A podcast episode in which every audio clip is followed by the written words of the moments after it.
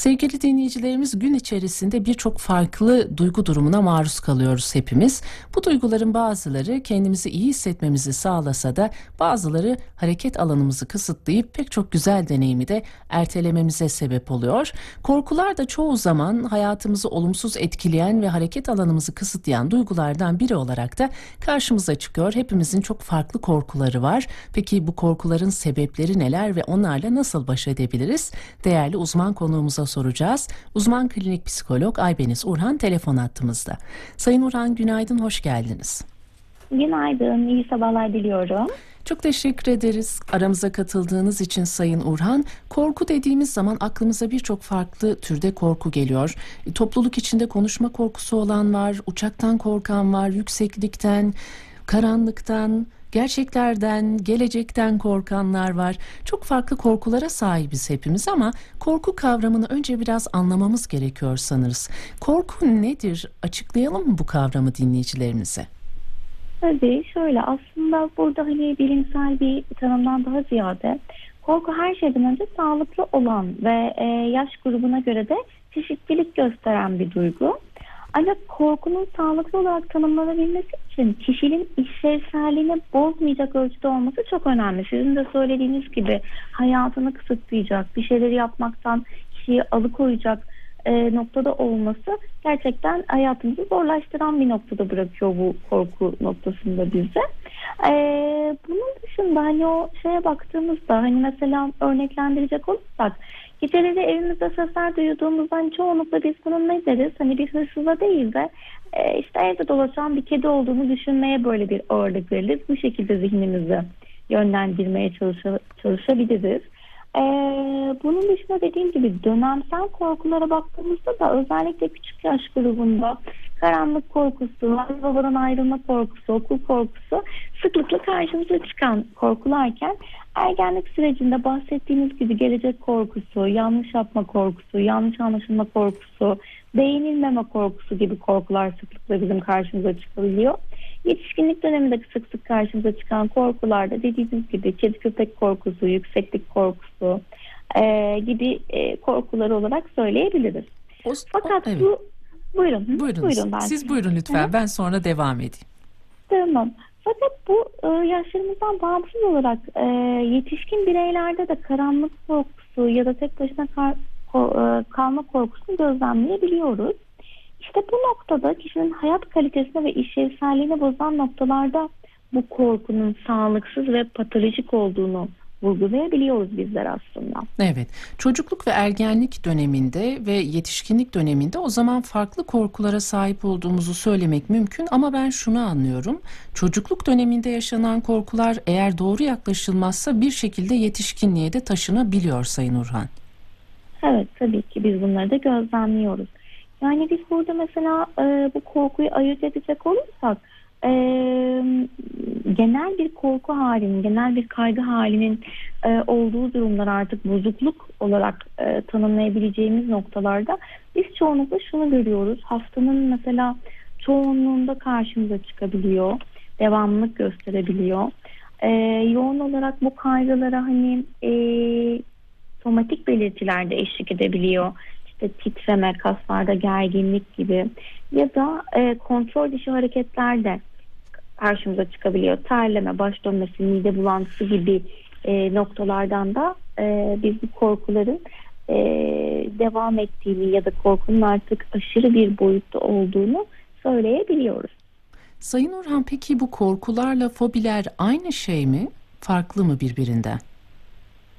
Şöyle e, fobi ile bizim korkuyu ayırmamız gerekiyorsa buradaki en önemli nokta aslında fobide kişilerin aşırı bir tepki verdiğini söyleyebiliyoruz. Yani e, o durumla karşılaşıldığında kişi e, bizim hani tepki verme boyutunda çok fazla aşırı bir tepki verebiliyor. Örneğin e, hepimiz örümceklerle karşı karşıya gelmekten çok haz etmeyebiliriz, çok evet. sevi, sevmeyebiliriz. Ama bu noktada fobi yaşayan kişi bırakın e, örümceği karşısında görmeyi, hayalinde bile e, örümcek e, imgesiyle karşılaştığında gerçekten çok büyük sorunlar yaşıyor. Yani bu durumu e, baş etmekte, bu durumu hani e, bu durumla baş etmekte gerçekten çok zorlandığını ve kendini çok kötü hissettiğini, işlevselliğini bozacak durumlar dediğimiz noktalar burada ortaya Hmm, çıkıyor. evet. Yani örümcekle karşı karşıya kalabileceği birçok yer e, buraya gitmemek, işte oralarda hani bulunmamak, aşırı önlemler almak gibi durumlarda karşımıza çıkabiliyor. O zaman fobiler bu işlevselliği bozan noktada ortaya çıkıyor korku bağlamında. Evet. Peki yaşadığımız bu korkuların kaynağı nedir Sayın Urhan? Sebep olan şeyler neler? Yaşadığımız travmalar mı? Bizim deneyimlerimiz midir? Genel anlamda neler söyleyebiliriz? Aslında burada tek bir nedeni söylemek çok doğru olmayabilir ama vurguladığımız yerler gerçekten çok e, önemli. Örneğin e, biz şunu gözlemleyebiliyoruz. Hani biz hep şunu söyleriz kaygının da aslında geçişken bir özelliği olduğunu, e, korkunun da kaygıyla çok e, benzerlik gösteren bir noktada olduğunu vurgulayabiliriz. Örneğin bizim bir e, annemizin işte böyle bir yükseklik korkusu varsa tabii ki burada kaçınmalar da ortaya çıkıyor. Yani işte o yükseklikle alakalı işte uçağa binmeme vesaire gibi durumlarda örneğin birlikte yaşadığı çocuklarda ya da hani yanında bulunduğu bireylerde de bu ve benzeri şekillerde fobiler ortaya çıkmış olabiliyor. Ya da söylediğiniz gibi olumsuz çocukluk deneyimleri de e, burada çok önemli bir etken olabiliyor. Örneğin çok küçükken işte bir köpekle oynarken köpeğin e, ısırması noktasında artık bütün köpeklerin zarar veren, işte zarar verebilecek nitelikte olarak ifade edilmesi fobiyi de beraberinde getiriyor. Yani biz fobide aslında şunu fark ediyoruz. E, olumsuz otomatik düşüncelerin kişide sürekli olarak aktif olması hali. Yani orada hani ihtimalleri olabilecekleri e, göz ardı edip sürekli olarak o en kötü senaryonun aktif olması olarak tanımlayabiliriz aslında. Evet, aslında şunu anlıyoruz Sayın Urhan. Ee, Siz değerli uzman konuklarımızla katıldığınızda hep şunu söylüyorsunuz. Anne baba ne yaparsa çocuk da onu rol model alır. Korkular noktasında da yine e, aynı şey örnek olarak verilebilir anladığım kadarıyla. Peki bunun yanında e, örneğin diyelim çocuk karanlıktan korkuyor. Anne baba bu konu üzerine konuşmak yerine biraz üzerine gitti çocuğun. Bu noktada yanlış tutumlarda bu korkunun büyümesinde etkili olur mu? Ee, büyümemesi için doğru tutum ne olmalıdır çocuğa karşı?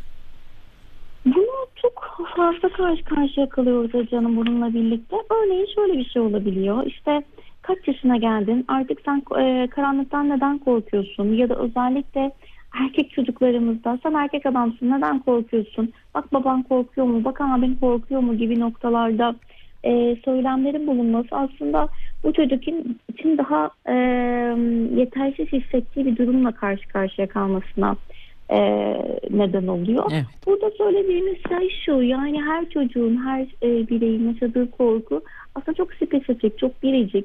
Hani burada neden olan noktaların birazcık vurgulanması gerekiyor. O çocuğun aslında karanlıkla birlikte hangi kaygıların olduğunun fark edilmesi gerekiyor.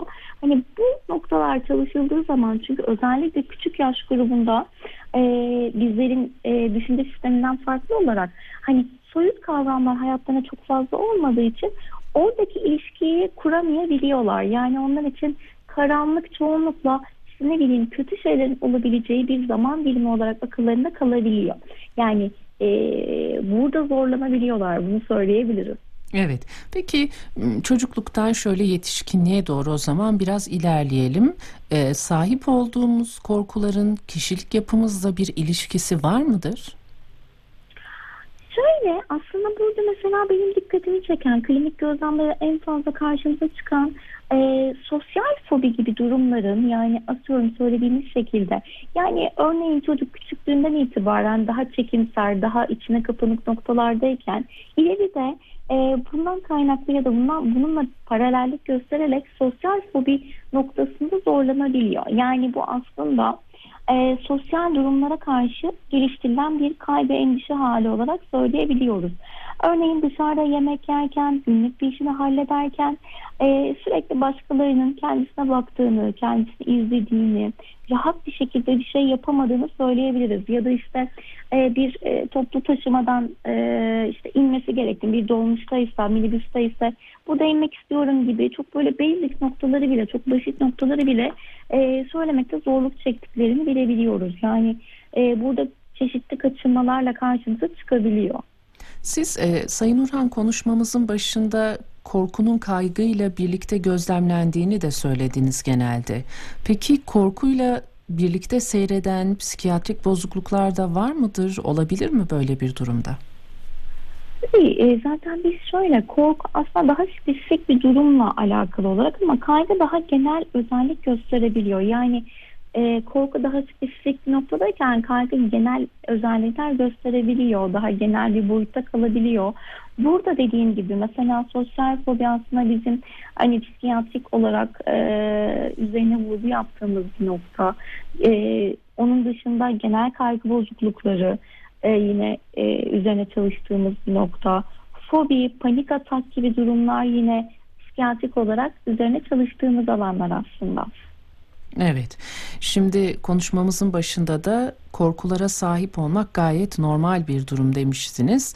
E, işlevselliği evet, bozmayacak bir noktada tabii durması gerekiyor bu korkuların. Eğer e, bunun ötesine geçerse e, söylediğiniz gibi bir fobiye dönüşüyor ve aşırı tepkiler verebiliyoruz. Şunu söyleyebilir miyiz bu noktada? Yani korkulara sahip olmak aslında kendimizi güvende tutmamız için biraz da gerekli gibi değil mi günlük hayatın akışında da? Evet. Yani aslında bu bir sosyal öğrenmeyle birlikte hani küçük yaşlardan itibaren hani biz aslında o korkuyla beraber yani atıyorum ki bir ocağa yaklaşmamız gerektiğini e, öğrenebiliyoruz. Bunu bir korkuyla bak sıcak işte ocağa yaklaşma, prizlere yaklaşma gibi bir şey. Aslında bizi orada hani e, tehlikelerden de uzak tutan önemli bir nokta. Ama bizim burada konuştuğumuz korku daha patolojik olan, daha kişinin işlevselliğini bozan boyutta olan korkuları e, olarak nitelendirebiliriz. Söylediğiniz gibi yani bu noktalarda olması aslında bizim hayatımızda olması gereken boyutlar. Yani hani biz küçük çocuklarımızda da bazen bu korkuyu aslında anne babalar çok fazla kullanabiliyorlar. İşte bak benim evet. yanımdan ayrılırsan işte kaybolursun. Ee, işte ne bileyim e, gibi gibi noktalarda işte ne bileyim kendinle ilgili çok bilgi verirsen işte seni kaçırabilirler gibi bir noktada. Sonra çocuk buna çok fazla hani karşısına çıktığı zaman burada bir sorun yaşıyoruz aslında sanki her an tetikte olması gereken bir durumda karşı karşıya gibi hissedebiliyoruz belki çocukluk döneminde çocuklarımız. Evet maalesef bunu sık sık yapıyoruz Sayın Urhan. Yaptığımız en büyük hataların da başında geliyor sanırım çocuklara ilişkin, çocuk eğitimine ilişkin. Evet. Değerli psikolog konuklarımız ve siz e, katıldığınız zaman hep şunu söylediniz. Eğer tek başınıza üstesinden gelemiyorsanız bir durumun bu konuda uzmanlardan yardım alınız. Zaten artık o konu çok net. Biz her seferinde dinleyicilerimize de aktarıyoruz bu konuyu. Ancak o aşamaya gelene dek korkudan kurtulmanın yolları var mı? Korkularla yüzleşmeyi biz kendimiz nasıl başarabiliriz? Bir nokta aslında şu hani hep genel geçer bir noktada hep şunu söyleriz. Korkunun üstüne git, korkunun üstüne git. Evet e, kişi zaten bireysel olarak da bunu çok istemektedir. Yani o korku duyduğu nesneyle e, noktayla aslında e, o korku bağını hani aslında kesmek ve hayatına daha işlevsel bir boyutta devam edebilmek istedik, istemektedir. Ama bu noktada kişinin hani yeterli olarak baş edebilme gücünün olmadığını gözlemleyebiliyoruz. Örneğin e, şunu sık sık karşımıza çıkar sosyal hayatımızda da işte bir restoranda, bir lokantada, bir kafede işte kedi köpekten korktuğunda aşırı tepki veren kişiler aslında kendilerinin de bunun bu şekilde olmasını istemiyorlar. Ama ellerinden gelmeyen bir şekilde ve hayatlarını çok fazla genelledikleri için burada çok zorluk yaşayabiliyorlar. Biz burada şunu söylüyoruz genellikle hani e, yakın çevremizden bize sorulduğunda da öncelikle hani sistematik bir şekilde yani tabii ki biz şunu beklemiyoruz. Hadi bakalım işte sen bu kedi korkunu, köpek korkunu yeneceksin de hadi bakalım senin kucağına bir kedi köpek veriyoruz sen bunu yeneceksin gibi değil de daha çok gözlemleme noktalarında olmasını istiyoruz. Yani her kedi köpeğin örneğin hani bunun üzerinden gittiğimiz için bunu söyleyebilirim. Ee, her kedi köpek e, zarar verecek bir noktada mı kalıyor yoksa hani belli bir noktada e, bunu gözlemledikten sonra bazen aynı ortamda olmaları bile yani onlara hani böyle adım atabilecekleri bir noktada olabiliyor. Aşamalı olarak yani bazen ben şunu söylüyorum fobi çalıştığım e, danışanlarımla da önce hayalinde hani neler olabilir, hangi negatiflikler olabilir, neler yaşanabilir. Peki sen bunu hayatında ne kadar deneyimledin? İşte atıyorum ki kişi diyor ki ben hayatımda bir kere böyle bir şeyi e, karşılaştım. Burada diyorum ki ne olmuş olabilir, neden bunu yaşamış olabilirsin, o durumu tetikleyen ne olabilir gibi gibi farklı bakış açılarından bakmalarını vurguluyoruz aslında Ece Hanım. E, sonrasında aşamalı olarak aynı katta bulunması, işte daha yakın bir mesafede olması, yakınında olmasında neler hissettiğini yine hayalinden götürüyoruz aslında. Kişilere bunu söylüyorum. Belki direkt karşı karşıya kalmadan önce önce zihninde kişinin bunu hangi tepkileri veriyor, hangi alternatif düşüncelere sahip olabilir. Belki bunlarla kendilerini destekleyebilirler ama baktılar ki yine burada zorluk yaşıyorlar. Yine aynı sorunlar devam ediyor. Burada kesinlikle ve kesinlikle bir uzmana başvurmasın çok kıymetli olduğunu söyleyebilirim. Evet aslında tüm korkuların nedenini düşünmek ve bu konu üzerine kafa yormak sanırım e, temel noktası bu korkuların çözümü içinde Sayın Urhan. E, dediğiniz gibi sebebini bilmeden sadece bir kez yaşadığımız bir şey için o korkuyu ömür boyu taşımak gerçekten çok büyük bir yük. E, tabii hayatımız üzerinde nasıl bir etkisi olduğunu da değerlendirmek gerekiyor belirttiğiniz gibi. Çünkü herkes hayatta işlevsel kalabilmeyi ister. E, bu nedenle üzerine düşünmek gerekir. Tabii e, korktuğumuz şeyleri gerçekten korku olarak adlandırabilmemiz de çok önemli. Biz bunu korku sanıyor da olabiliriz. Belki de korkmuyoruzdur Sayın Urhan. Bir de öyle bir durum var. Evet çok doğru. Yani biz onu belki de e, korku olarak tanımlıyoruz ve hayatımızı bir şekilde işlevselliğine devam ediyoruz. Çünkü bazen sorguladığımızda e, bilmiyorum neden korkuyorum ama korkuyorum diye e, cevaplar da alabiliyoruz biz aslında. evet. Bir de başaramama korkusu var. Sorumluluklara ilişkin korkular var. Bunlar biraz da dış çevreden etkilenen, dış çevre kaynaklı korkular mı sizce? Çünkü başaramama korkusunun arkasında da aslında biraz başkaları ne der korkusu var gibi. Evet. Evet. Yani benim dediğim gibi klinik gözleminde tabii daha çok çocuk ergen çalıştığım için de bu nokta belki daha ergenlik sürecinde gördüğüm bir şey ama yavaş yavaş aslında ben bunu daha küçük yaşlarda da bir performans kaygısı olarak göz gözlemleyebiliyorum. Yani daha küçük yaşlardaki çocuklar örneğin işte böyle oyun oynarken bile daha çok mesela şeyi tarif edebiliyorlar. Ee, kazanıp kaybedeceği oyunlar yerine daha çok böyle yaratıcılıklarını e, e, ortaya koyabilecekleri oyunları tercih edebiliyorlar ya da herhangi bir akademik e, noktada hani ben onu yapmayayım, yanlış söyleyebilirim, yanlış yapabilirim gibi performans kaygılarını gözlemleyebiliyoruz ya da sınav sürecinde olan çocuklarımızda ben zaten başaramam, ben zaten hani bunu yapamam, hedefimde bunun olmaması benim için çok daha kıymetli gibi aktarabiliyorlar. Evet. Sayın Urhan e, hepimizin korkuları var. Umarız e, çözüm olabiliriz dinleyicilerimize bir noktada ama yine e, başında da söylediğimiz gibi eğer tek başına üstesinden gelemiyorsak bu korkuların bu konuda bir uzmana danışmamız gerekiyor. Bizi bu konuya ilişkin bilgilendirdiğiniz için çok teşekkür ederiz size de. Ben çok teşekkür ediyorum. Herkese iyi pazarlar diliyorum. Sağ olunuz, iyi çalışmalar dileriz. Hoşçakalın. Sizlere de görüşmek dileğiyle.